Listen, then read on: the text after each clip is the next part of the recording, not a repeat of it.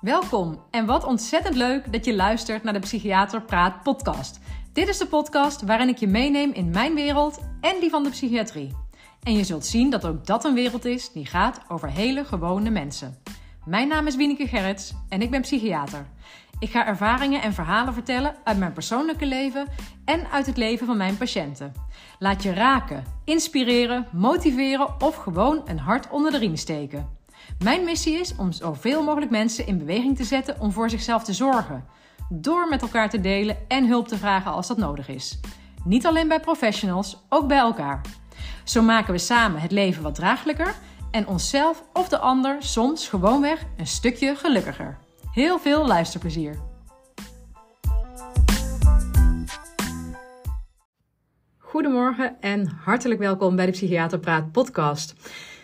Ik heb vanmorgen weer de motivatie gevonden om een aflevering op te nemen. En dat is nou ook precies waar de aflevering vandaag over gaat: motivatie. En dat is een zo ongelooflijk belangrijk onderwerp in mijn werk als psychiater, maar net zo goed als coach. En uh, ook in mijn eigen persoonlijke leven. Motivatie. Die heb je altijd nodig om iets voor elkaar te krijgen en ook te kunnen volhouden en te kunnen afmaken.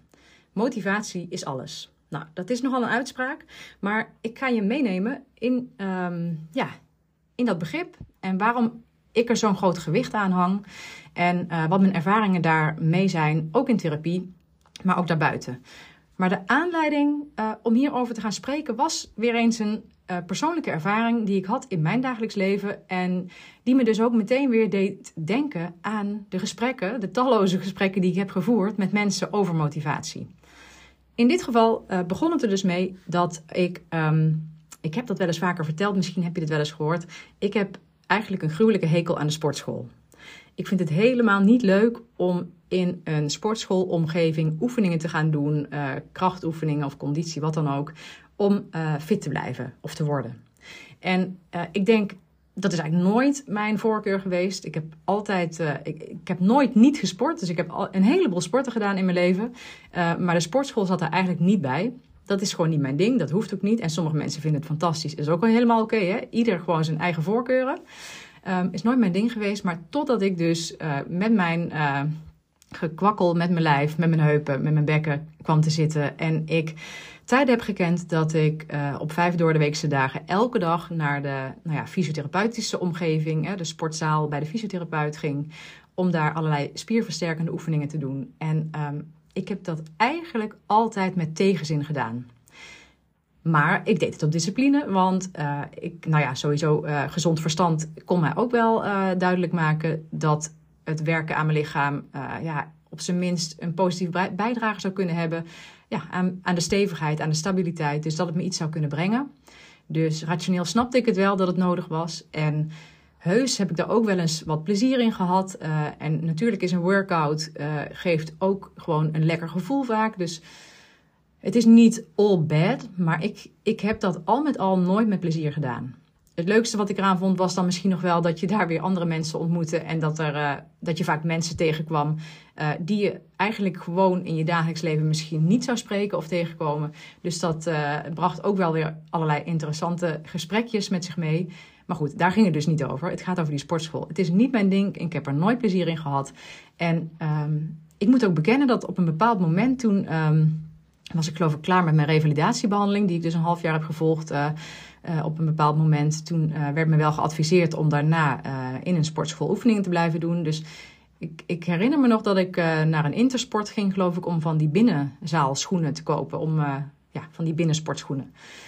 En ik zei toen tegen die verkoper van ja, het hoeft niet heel kwalitatief heel goed te zijn. Want ik ga dit uh, een paar maanden doen en dan heb ik ze niet meer nodig. En dat was echt mijn overtuiging. Ik dacht, ik ga het een paar maanden doen, zolang als het nodig is. En als ik dan sterk genoeg ben, ga ik weer lekker hockeyen of andere en ga ik weer hardlopen. En dan uh, ban ik de sportschool weer uit mijn leven. Ja, nou ja, zo, zo is het eigenlijk ook al bijna gegaan. Ik heb het een tijd volgehouden toen. Um, deed ook thuis allerlei oefeningen. En op een gegeven moment kwam ofwel de slop erin of voelde de noodzaak minder groot. Ben ik daarmee gestopt ben ik inderdaad gaan proberen te hardlopen, wat geen goed idee was, want dat gaf echt weer pijn in mijn heupen. Um, dus ja, na een poging uh, van een paar maanden ben ik daar gewoon, heb ik bedacht, oké, dit is niet de sport die ik, uh, die voor mij weggelegd is, uh, dat past niet meer bij hoe mijn lijf nu is. Dus dat kon ik wel accepteren. En uh, zoals uh, ik ook wel vaker benoem, ben ik weer gaan hockeyen, want dat, dat deed ik altijd al. En sinds twee jaar hockey ik dus weer één keer per week op een voor mij doen zeg maar laag niveau of lager niveau dan ik gewend was. Maar ja, met een club waarin dat, die eigenlijk dus heel goed bij mij past nu. Met een club dames waarbij ik precies me zodanig kan inspannen als wat passend is. En toch, toch kwam ik uh, voor afgelopen zomer. Uh, ik had een soort misstap gemaakt met, uh, toen ik een potje aan het voetballen was met een van mijn kinderen. toen kreeg ik echt een pijnscheut door mijn linkerheup. En dat, was een, dat bleef een gevoelige plek daarna. Of nou ja, niet als ik niet sportte. Maar als ik aan het hockeyen was, voelde ik iedere keer weer die linkerheup. Precies die plek ja, waar ik een of andere rare beweging heb gemaakt. Of iets opgerekt heb. Of ik weet niet wat er is gebeurd. Maar dat bleef een gevoelige plek. En toen het zomer werd en ik ook op vakantie ging, maar ook een aantal weken dus niet heb gesport, niet ben gaan hockeyen, toen was die pijn er helemaal niet meer. En dat maakte dat er iets ging verschuiven binnen in mijzelf. Dat ik dacht, ja, ik wil heel graag hockeyen, want dat, daar haal ik heel veel plezier uit. Ook door die sociale context, maar ook omdat het een lekker explosieve sport kan zijn. Uh, ja, daar hou ik van. Alleen, ik dacht, ja, de manier waarop ik het aan het doen ben, is het eigenlijk de vraag of ik het kan volhouden. En zeker kan ik het niet uitbouwen, zeg maar. Ik kan het niet, uh, ik, ik, moet mezelf eigenlijk toch nog steeds altijd wel een beetje inhouden, als het ware. Als het gaat om dat vellen en dat hele explosieve sport. Want ik voel dan gewoon dat dat mijn lijf af en toe geen goed doet. En ik dacht, het zou toch niet zo zijn dat ik op een gegeven moment, als ik zo doorga, dit weer moet laten zitten, omdat het uh, gewoon te belastend is. En tegelijkertijd begon mijn man af en toe te zeggen van... Hey, ga je, want hij gaat wel naar de sportschool, uh, ook, uh, sport ook onder begeleiding. En hij zei van, ah, heb je geen zin om mee te gaan? En mijn eerste reactie was ook, nee, nee, dat is niks voor mij. Ik heb daar geen zin in, dat, daar haal ik geen plezier uit. En er zit ook een soort van bepaalde overtuiging in. Dat is op zich sowieso wel hoe ik breder in het leven sta. Maar dat ik, ik wil eigenlijk dat dingen een soort van natuurlijk zijn. Dat het logisch is dat je het doet. En ik, in een sportschool uh, op een mat gaan liggen, oefeningen doen of aan apparaten gaan trekken, is voor mij heel tegen natuurlijk. Ik wil dan liever dat het een soort andere functie heeft, zoals die sociale. Maar het is natuurlijk ook maar een gewoon een, een, een construct in mijn hoofd. Uh, ik doe natuurlijk de hele dag door allerlei niet-natuurlijke dingen. Maar voor mij, ik had dat, dat verhaal rondom sporten zo gemaakt. Sporten moet uh, een bepaald extra doel hebben behalve het sporten. Dus dat moet ofwel inderdaad, ik heb ook heel veel gewielrend, wielrenfietst. Nou, heerlijk om in de natuur te zijn bijvoorbeeld. Dat vind ik dan uh, een meerwaarde. Of bij dat hockey heb je echt dat sociale, dat is echt een meerwaarde. En in een sportschool kon ik dat niet vinden. En toch begon er wat te verschuiven. Ik begon toch, een beetje ook door de stimulatie van mijn man, te denken van ja, wat nou als ik wel in de sportschool ga sporten en daar misschien inderdaad wel professionele begeleiding bij vragen in, in het begin, om, ja, omdat je toch aan een bepaald doel werkt. En als ik daardoor nou vervolgens dat hockeyen gewoon beter, of dat langer kan volhouden, of dat het duurzaam wordt. Of misschien zelfs wel op een bepaald punt kom dat ik misschien weer wat eh, op een wat ander niveau zou kunnen gaan hockeyen. Niet dat dat nou echt mijn, mijn grootste wens is hoor, maar gewoon dat ik dacht, wat nou als ik, als ik een stuk, stapje next level kan gaan maken? Want ik ben op dit moment super tevreden met mijn leven. En als ik terugkijk, zeg maar, nou, eh, drie jaar geleden of vijf jaar geleden, zat ik er heel anders bij. Uh, ja, was het ook eigenlijk, was ik helemaal niet super gelukkig met mijn leven. Ik was niet doodongelukkig, maar er was ook veel ongeluk. Dus ik ben eigenlijk super tevreden nu. En dit is nou eigenlijk precies het goede uitgangspunt om weer eens ja, mijn eigen overtuigingen te herijken. En, weer eens, en ook dus mijn kijk op die workout, op dat ja, fitness of geef het een naam. En dat maakte dat ik een ander type motivatie van binnen ging voelen. Waarbij de motivatie voorheen om naar de, de oefenruimte te gaan eigenlijk van extern kwam en vanuit mijn ratio kwam. Dus van extern bedoel ik hè, de adviezen van de fysiotherapeuten of de artsen en, en mijn eigen ratio, dat ik dat ook wel kon bedenken dat het allemaal goed was. Um, en zo heb ik trouwens ook bijvoorbeeld Pilates gedaan. Ook zoiets wat ik op advies en met mijn ratio kon begrijpen, maar wat gewoon totaal niet mijn ding is. Dat ik, was daar iedere keer als ik daar was super gefrustreerd. Omdat ik in mijn lijf iets heb wat een beetje wil knallen. Zeg maar, als ik dan toch aan het sporten ben. Of aan, ja, Pilates noem je misschien geen sport, maar je begrijpt vast wat ik bedoel. Het paste niet bij mij. En nu begon ik dus te merken dat die motivatie van binnenuit begon te komen. Omdat ik echt kon gaan voelen en denken van... ja, maar misschien maakt dit mijn leven nog wat leuker. Misschien brengt dit mij nog verder. Ik ben al op een niveau waar ik heel tevreden mee ben. En dit gaat misschien nog wel meer vreugde brengen, of plezier, of mogelijkheden. Niet dat het niet genoeg is, maar ik werd zelfs een beetje nieuwsgierig daarnaar. En dat maakte dat ik uh, vorige week voor het eerste keer mee ben gegaan samen met mijn man. En het eigenlijk heel leuk vond. En wat ook niet onbelangrijk is, daar, want dat, daar was zo'n personal trainer die dan uh, ja, met je meekijkt en, en, en uh, een beetje spart en vraagt naar je doelen en hoe je eraan zou kunnen werken, et cetera.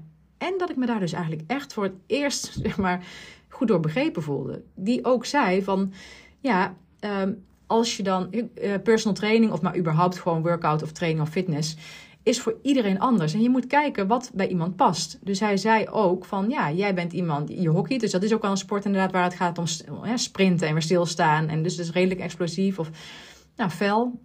Um, daar moet je dan ook op trainen. Dat betekent wel dat je je oefeningen erop moet aanpassen, dat ze niet ineens overbelasten moeten zijn. Maar dan moet in zekere mate moet die, die felheid terugkomen in je oefeningen. Ook omdat dat is waar je, ja, wat, wat jouw ding is, om het maar even zo uit te drukken.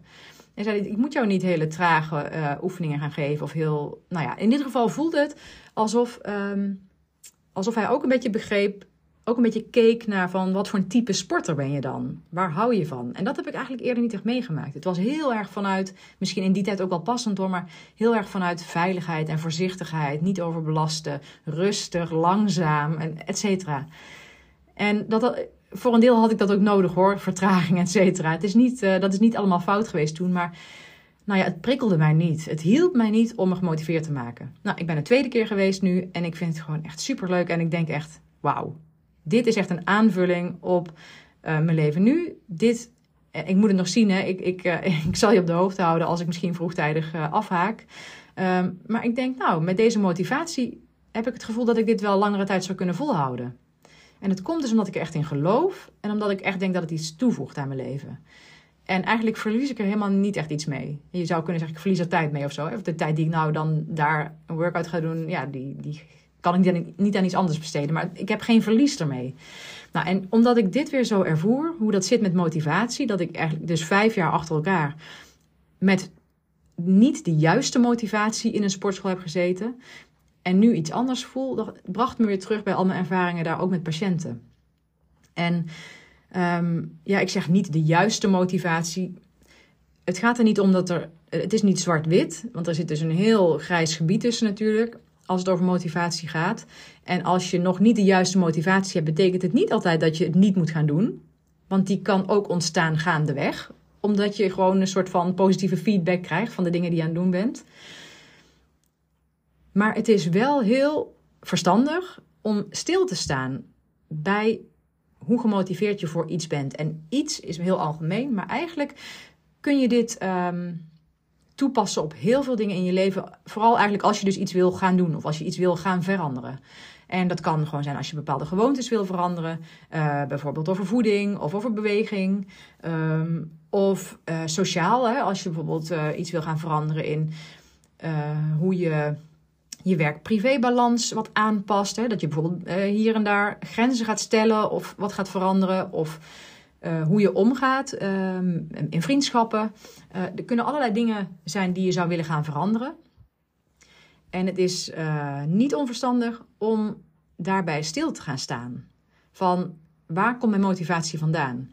Omdat als het heel extern is, hè, en dat bedoel ik dus als de, de motivatie heel erg van buiten afkomt, um, dan is het vaak min, moeilijker om iets echt te gaan toepassen of veranderen of uitvoeren en dat vol te houden. En ook over therapie. Dus daar kom ik dadelijk ook nog op. Over motivatie om in therapie te gaan of in therapie te blijven. Um, en eigenlijk dacht ik toen ik hierbij stilstond ook van ja, eigenlijk is dat ook echt een van de dingen die ik met deze podcast probeer. En uh, lang niet alle afleveringen zijn voor iedereen even interessant of uh, zetten je misschien niet evenveel aan of aan het denken. Maar ik hoop echt dat ik, dat zeg ik ook in mijn intro natuurlijk, als een van de dingen, ik hoop je ook te motiveren. Dus uh, en ja, dat, dat je misschien door dit voorbeeld wat ik vandaag noem, stel dat dit nou net uh, voor jou het moment is om dit te, te moeten horen, wou ik zeggen, niks moet, maar je snapt wat ik bedoel als dit nou net het moment is dat jij denkt: Oh, dit kan ik horen, want hier kan ik iets mee. Ja, ik, ik wil heel graag jullie motiveren, omdat het gewoon bijdraagt aan een net wat leuker leven, of wat prettiger leven, of wat gelukkiger leven. Nou, ik noemde net al een paar dingen. Ehm, als je bijvoorbeeld gewoontes wil veranderen. En uh, ik moet bij gewoontes dus heel erg denken aan leefstijlgewoontes. En die gaan heel vaak over, uh, over voeding en beweging en ontspanning en, um, en werk. En ik heb natuurlijk, ja, je ziet het overal om je heen. Um, bijvoorbeeld als het gaat over voeding. Uh, diëten, van die crashdiëten of zo, dat werkt vaak niet. En uh, dan heb je misschien wel de motivatie. Dan denk je wel van, oh ja, ik, ik, ik, ik wil uh, gewicht verliezen. Want je vindt jezelf te dik. Of misschien ben je te dik, zeg maar. Heb je overgewicht. Um, en je wil daar iets aan doen. Dan kan het zijn dat je bijvoorbeeld ingaat op bepaalde um, beloftes die gedaan worden door uh, methodes om die te gaan toepassen. En dan denk je, oké, dat gaat mij helpen. Hierbij kun je je afvragen in welke mate jij echt gemotiveerd bent en dus ook echt zelf de verantwoordelijkheid neemt om iets te gaan veranderen. Of leg je eigenlijk de verantwoordelijkheid en ook dus een beetje de motivatie buiten jezelf en bij zo'n methode. Dat je denkt, oh ja, maar als ik dat nou maar even doe, dan is het geregeld. Ik denk niet dat je dan echt van binnenuit um, uh, gemotiveerd bent om moeite te doen, om energie ergens in te steken en jezelf daaraan te houden. Dat zie je natuurlijk ook heel vaak. Dan krijg je zo'n soort yo-yo-effect. Terwijl als je veel meer naar jezelf gaat kijken en van jezelf gaat begrijpen, van, dat je echt nagaat van, hé, hey, oké, hoe kijk ik dan tegen mezelf aan, tegen mijn lichaam aan? Heeft het iets te maken met mijn zelfbeeld? Of is het inderdaad ook medisch gezien uh, verstandig om uh, gewicht te verliezen? Um, wat zou me dat gaan opleveren? Dat je daar ook echt bij stil gaat staan, want daar komt dus vaak die motivatie vandaan. Dat vertelde ik net ook. Hè? Toen, ik naar, toen ik ging voelen wat het me zou kunnen gaan opleveren als ik naar de sportschool ging, toen shifte wel een beetje mijn, uh, mijn visie daarop. Wat gaat het je opleveren als je gewicht verliest? En zeg maar, wat, uh, wat, gaat, wat, wat moet je ervoor opgeven? Wat ga je verliezen? Want eigenlijk is het zo bij verandering hoort dus eigenlijk keuzes maken en er hoort eigenlijk ook altijd wel wat verlies bij. Dus misschien, uh, nou ja, ben jij iemand die uh, het gewoon heel lekker vindt om lekker Bourgondisch uh, te eten en te drinken. Misschien ook wel met alcoholgebruik erbij, wat natuurlijk ook qua, voor je gewicht heel vaak niet echt heel bevorderend is. Um, of ja, misschien heb je een bepaald eetpatroon wat je dan zou moeten opgeven. En iets opgeven is vaak best wel moeilijk. Zeker als je daar dus plezier in hebt of als je het fijn vindt.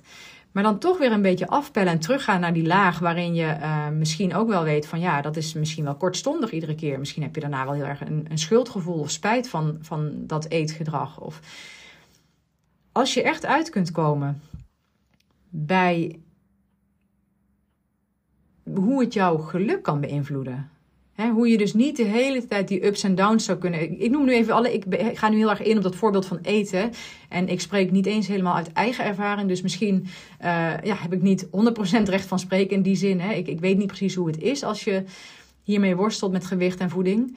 Um, maar ik denk wel dat als je, net zoals dat ik dat nu heb met een gewoonteverandering ten aanzien van sporten, denk ik, als je echt kunt voelen um, dat het, wat het je kan gaan opleveren, dan wordt het misschien makkelijker om gemotiveerd te raken om echt een, een verandering in je, ja, in je gewoontes aan te brengen, in je leefstijl aan te brengen, hè, in je voedingspatroon. En niet denken, oh, ik doe eventjes een truc, hè, een methode, en dan ben ik er van af. Het vraagt echt een beetje een grotere verandering in jezelf. En um, nou, om ook maar eens even een heel ander soort voorbeeld uh, te nemen. Want ik noemde net ook al bijvoorbeeld sociaal, hè, hoe je met mensen wil omgaan. Uh, ik, ik, sprak een tijdje geleden iemand, uh, iemand met wie ik werk. En die vond het zelf, die, zat zelf heel erg te worstelen met uh, hoe ze omging met afspraken maken met andere mensen. En wat bedoel ik daarmee? Hè? Dus echt afspraakjes maken. Als je je ergens op vastlegt om iets te gaan doen samen. En dat kan met één iemand anders zijn of met een groep.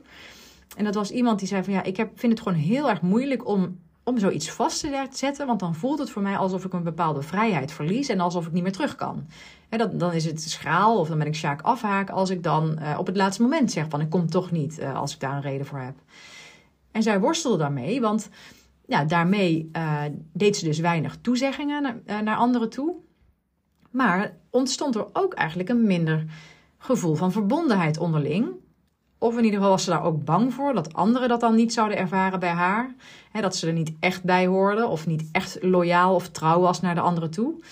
Dus het wrong eigenlijk uh, op het gebied van hoe ze de relatie met haar vriendschappen en familieleden uh, um, en collega's, hoe ze dat zou willen hebben. Dus, maar het had voor haar ook een reden. Het was niet zo dat ze die ander dus niet belangrijk vond. Hè, of dat ze er niet bij wilde zijn. Dat, daar had het niet iets mee te maken. Maar ze was bang om een gevoel van vrijheid te verliezen. En dat stond er tegen. Dus daardoor um, nou, kwam ze in een soort gewoonte terecht dat ze uh, heel weinig toezeggingen deed. En vaak zei, nou, ik zie wel op het laatste moment of het me uitkomt. Of, hè, of dan inderdaad op het laatste moment dus zeggen van, uh, oh nee, het komt toch niet uit. Of als er meerdere uitnodigingen tegelijkertijd vielen, dat ze overal probeerde een beetje bij te zijn. En niet tegen de een zei van, nee, ik kan vandaag niet komen, want ik heb een andere afspraak. Dan ook andere mensen niet tekort willen doen. Dus in sociaal opzicht was het allemaal onbevredigend. Want ze vond dat ze de ander tekort deed, maar eigenlijk gaf het haar ook te weinig verbondenheid met de anderen. En toen we daar um, dus verder op doorgingen, was dat eigenlijk waar haar grote verlangen zat. Ze wilde juist heel graag echte verbinding maken met anderen. Maar vanuit die angst van dat, um, nou eigenlijk het gevoel worden, krijgen ingeperkt te raken, niet meer de vrijheid te hebben, lukte dat niet goed. Terwijl ik denk, het eigenlijk zelfs ook als je je wel vastlegt op afspraken, als je wel toezeggingen doet, heb je die vrijheid nog steeds. Want ook als dan bijvoorbeeld uh, dat moment daar is en het komt echt slecht uit, hè, je wil echt uh, toch uh, niet ergens aansluiten omdat je heel erg vermoeid bent of een andere reden, wat dan ook, heb je natuurlijk altijd de vrijheid om dat te zeggen in contact met die ander. Je hebt altijd de vrijheid om dan te zeggen van, ja, ik weet het, ik heb, ik heb het afgesproken vandaag en ik had er eigenlijk ook heel veel zin in. Of hè, ik vind het heel vervelend om zo last minute af te zeggen, maar ik heb gewoon niet de energie. Of nou ja, dan maar de reden die er op dat moment voor jou is juist als je in goede verbinding bent met andere mensen en juist als je hier ja, transparant over bent, maar ook echt oprecht over bent, dan zal er eigenlijk nooit iemand zijn die kan zeggen dat dat fout is. Want dat is heel adequaat of gezond je grenzen aangeven. Dus als je hier iets in wil veranderen, stel dat je hier iets van herkent. Of je, of je kunt hem nu uh, door deze voorbeelden, misschien kun jij het uh, uh, aanhouden tegen, tegen een andere gewoonte van jouzelf. Waarvan je denkt, oh ja, dat is echt zo'n dingetje van mij en dat wil ik wel anders, maar dat lukt me niet. Ja, kijk dan naar het onderliggende verlangen. En als je het echt wil gaan veranderen en als je voelt van ja, dat, daar wil ik echt naartoe, dan kan het dus zijn dat je gevoelsmatig misschien iets opgeeft. Hè? Want ja, ook in dit voorbeeld, zij had het gevoel dat ze haar vrijheid opgaf. Terwijl uiteindelijk is dat dus helemaal niet zo.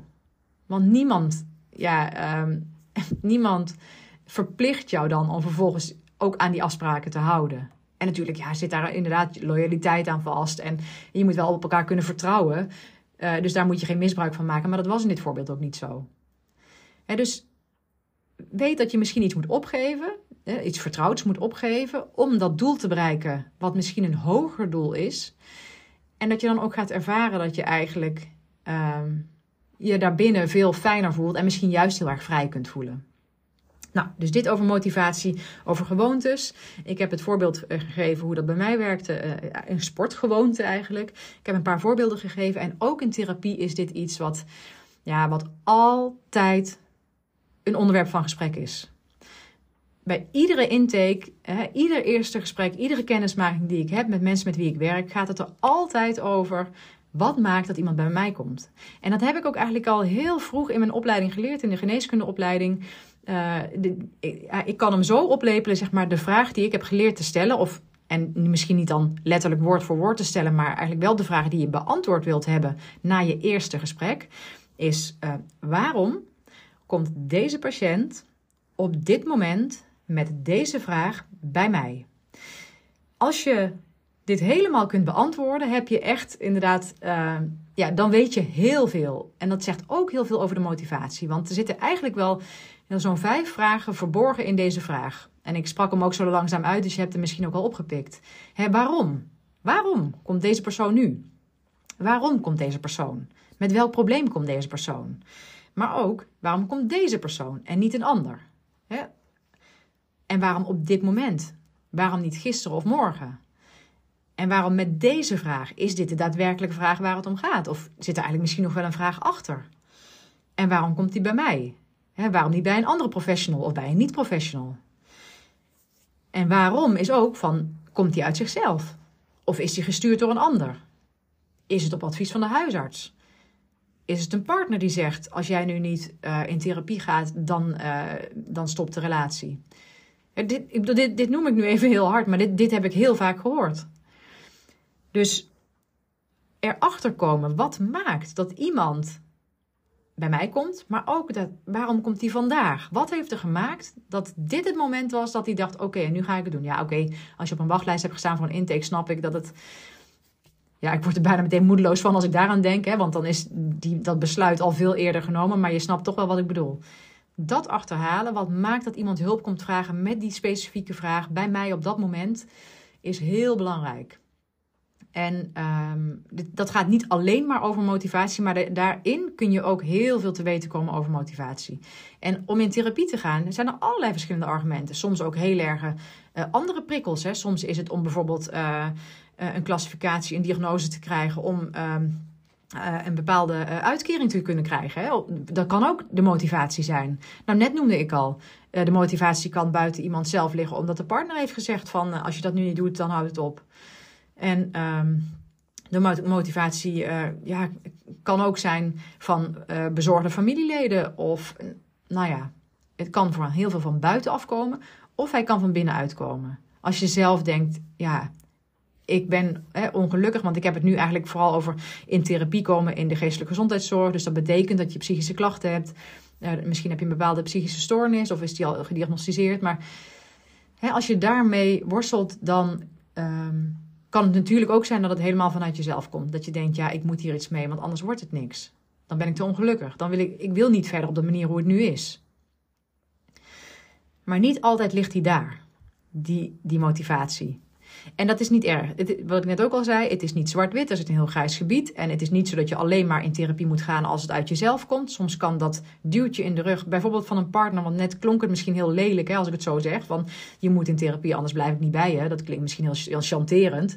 Uh, maar soms zijn dit hele serieuze gesprekken tussen partners. Hè, die juist wel zeggen van ja, wij willen heel graag uh, onze relatie behouden. Um, hè, dus we willen heel graag uh, in onze relatie investeren, maar uh, een van ons tweeën heeft ook echt werk aan zichzelf nodig uh, om de relatie gezond te houden. En dan kan een partner inderdaad zeggen van ja, ik, ik wil voor jou gaan, ik wil bij jou blijven, maar ik wil ook dat jij aan jezelf gaat werken. Dus nu verwoord ik hem wat anders en dan klinkt hij misschien al wat minder hard. Uh, maar dit is heel vaak toch een hele mm, helpende externe motivator.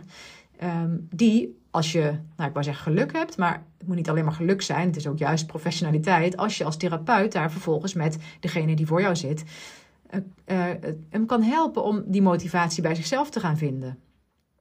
Dus, want, want, als iemand zegt, ja oké, maar die relatie interesseert me niks, dan maar niet. Ja oké, dan heeft dat geen zin. Maar als hij inderdaad zelf daar ook heel, heel erg naar verlangt.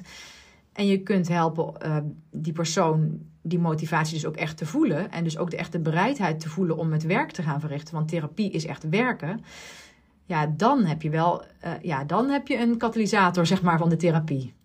En um, dus in ieder eerste gesprek wat ik met mensen heb, uh, heb ik het hierover. En heb ik het, en afhankelijk van wat ik voel, eh, maar ook hoor, zeg maar, in de motivatie, kan ik zeg maar wat, wat meer druk geven of wat minder. Als ik voel dat het nog heel fragiel is en dat het misschien maar net echt nou, uh, mazzel is dat deze persoon inderdaad is komen opdagen bij de intake, zal ik natuurlijk niet zoveel druk gaan opvoeren. Maar als iemand wel zegt van ja, ik wil wel, maar ik voel nog een bepaalde ambivalentie, hè, dan ga ik soms ook wel een beetje aan de tand voelen van ja, oké, maar hoe bereid ben je dan om hier uh, werk te gaan zitten verrichten? Ja, want dat is niet één uurtje per week eventjes uh, door het stof, zeg maar. Nee, dat is eigenlijk ook gewoon de rest van de week ga je hier ook wat van voelen. Hè? Dus je, je investeert nogal als je deze therapie aangaat. Heb je echt die bereidheid? Natuurlijk stem ik mijn gesprek af op de persoon tegenover me. Maar ja, ik heb gewoon ook gelukkig geleerd, eigenlijk al heel snel in mijn werk, dat als de motivatie ontbreekt, of je bespreekt dit niet, of je laat een beetje een verslapte motivatie bestaan, dan heeft het geen slagingskans. Een gebrek aan motivatie of een, een te beperkte motivatie moet aangepakt worden, anders bereik je niks. Want je bent niet de fixer van buitenaf. Je gaat niet even iemand maken. Dat moet echt iemand uiteindelijk zelf doen. En daarom is die motivatie zo belangrijk. Ik heb een keer gehad, dan noem ik eigenlijk zeg maar, ja, als het ware het extreemste voorbeeld wat ik hier eh, qua motivatie in heb uh, gehad.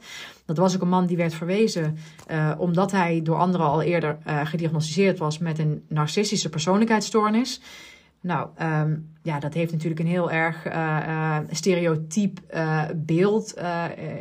is, ja, de persoon die zichzelf helemaal verheerlijkt.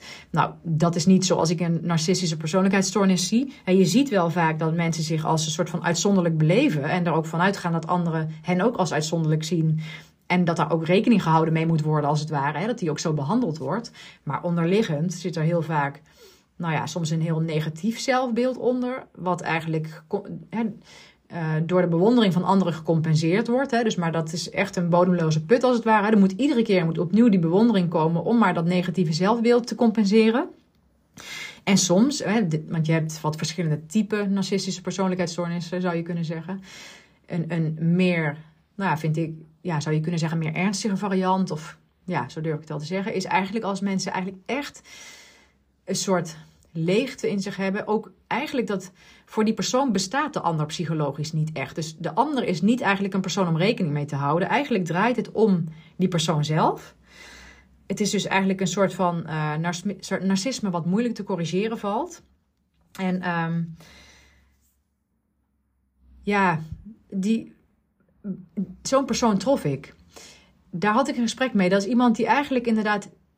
Ik bestond eigenlijk niet voor hem. En hij zei ook van, uh, ja, ik heb al meerdere therapeuten gehad. Ik, uh, ik doorzie de ander. Dat is eigenlijk echt een grove zelfoverschatting. En dat zie je dus bij dit type narcisme. Heel erg een overschatting van zichzelf. dus ik doorzie de ander, zei hij. Ik kan de anderen laten zeggen wat ik wil. Ik kan de anderen laten doen wat ik wil. Dus hij uh, ervoer een soort van prettig gevoel bij de macht over de ander. Bij manipulatie van de ander. En um, dat is waar. En ja, dat, dat voelde ook helemaal niet heel gegrond. Hè? Niet alsof hij daar echt blij mee was. Maar hij zei ook dus zo van ja, dat heb ik ook bij therapeuten gehad. En nou ja, in dit gesprek zei ik op een bepaald moment ook van ja, nou ja, als je bij mij in behandeling komt, dan kan het zijn dat je dat ook bij mij lukt. Zei, dat kan zijn. Het kan zijn dat jij uh, de indruk krijgt dat je mij doorziet. Dat je mij gaat laten zeggen wat jij wil dat ik zeg. Uh, dat, je, dat de therapie op die manier vorm krijgt zoals jij, hè, dat jij de regie hebt. Dat kan. En um, ik geloof dat ik het in dit gesprek letterlijk zo heb gezegd van, ja, en als dat dan gebeurt, wie is er dan de verliezer? Dit is natuurlijk een hele, het is misschien een hele boute uitspraak. Uh, en het gaat niet om winnen en verliezen in therapie natuurlijk. Maar ja, in, in, in de context van dit gesprek met deze persoon uh, ja, heb ik voor die woorden gekozen. Maar ik, want dat is natuurlijk, ja, dat is eigenlijk wel hoe ik hem ervoer. Zo, hè, van, um, ja, al zou het hem lukken om mij zo te manipuleren dat ik dus eigenlijk hem niet zou kunnen behandelen, ja, dan is dat my loss. Eigenlijk niet. Hè. Ja, natuurlijk zou ik dat, zou ik dat heel frustrerend vinden. Hè. Dus ik, voor mij als therapeut zou dat, een, zou dat een lastige patiënt zijn.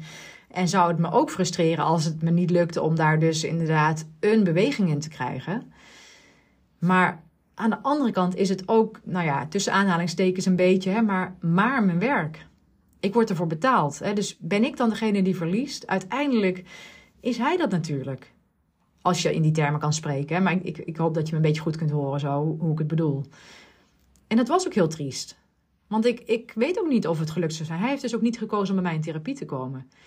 Die motivatie ontbrak. De motivatie om te veranderen, om zelf te veranderen. Die ontbrak. En misschien, ja, ik weet niet. Misschien was het wel mogelijk geweest. Misschien heeft hij wel hulp gevonden uiteindelijk bij iemand. Maar het was, um, ja, ik had echt gewild dat het anders was. Ik had gewild dat ik een andere snaar had kunnen raken of dat ik iets had kunnen bewerkstelligen. Maar dat was in dat ene gesprek niet gelukt. En ik weet dus ook niet of het in therapie gelukt zou zijn. Of die het vermogen had gehad om dat te bereiken. Maar dit even als heel extreem voorbeeld hoe belangrijk motivatie is. En ik hoop eigenlijk dat je vooral meeneemt dat het dus niet zo betekent van, oh, als ik de motivatie niet voel, dan is het foute boel. Nee, er zijn manieren om gemotiveerd te raken. En um, soms helpt het als de motivatie eerst van buitenaf komt, of als die eerst rationeel is. Hè, zo, dat, dat kan ook. Hè, dat je wel kan bedenken dat iets goed voor je is, en, maar dat je nog niet echt de, ja, de, de, de drang voelt om dat te gaan doen. Maar dat als je het eenmaal gaat veranderen en het gaat doen, en je hebt daar positieve ervaringen mee, dat die motivatie vervolgens wel verinnerlijkt wordt. Um, en uh, ook wanneer het gaat om therapie, hè, als dat in jouw geval daar sprake van is, ja, weet ook echt dat um, je doet het echt voor jezelf. Dus ga het niet voor de therapeut zitten doen. Ga, het niet, ga hem niet naar de mond praten. Ga niet zeggen wat hij wil horen. Je zit daar echt voor jezelf. En ook als er uh, gebieden zijn in jouw mentale wereld waar je het eng vindt om over te praten, of, of je weerstand voelt, of de durf niet hebt of de moed niet hebt. Kijk eens of je ook hier motivationeel, nee dat is geen woord hè, maar uh, of je qua motivatie er ook achter kunt komen of je jezelf niet tekort doet als je dat niet doet, als je die onderwerpen niet aangaat. Want ik weet dit. Ik heb het zelf ook ervaren. Ik ben ook uh, voor mijn opleiding therapie geweest en korte therapieën gehad en uh, ook in opleidingen stukjes therapie gevolgd. En ik weet ook hoe het is dat je soms denkt, nou, maar hier ga ik even niet over beginnen of hier heb ik even geen zin in. Maar en haal even dan het extreme voorbeeld naar voren wat ik net noemde van die man. Wie doe je dan tekort? Heb je dan een therapeut tuk en is dat wat je wil? Of doe je jezelf eigenlijk tekort? En dat geldt voor alles wat je wil veranderen. Wie hou je voor de gek als je het niet doet? Nou, ik hoop dat ik je hiermee heb kunnen motiveren om eens na te denken over je eigen motivatie als het gaat om bepaalde veranderingen die je wil doorvoeren. Misschien wel in je leefgewoontes, in je leefstijl, misschien in therapie. Uh, misschien iets wat ik helemaal niet nu kan verzinnen, maar wat jij wel voor jezelf al hebt bedacht tijdens het luisteren van deze aflevering. Ik hoop dat ik je heb kunnen motiveren om daar eens bij stil te staan. En als je te weinig motivatie voelt, kan het helpen om laagjes af te pellen. Waar doe ik het voor? Wat wil ik bereiken? Wat levert me dat op? Dat gaat je enorm veel helpen. Nou, hopelijk heb je ervan genoten van deze aflevering. Hopelijk heb ik op tenminste één iemand in beweging gezet vandaag. Dat hoop ik altijd maar. Dat zou me al heel erg goed doen. En uh, wie weet, tot de volgende.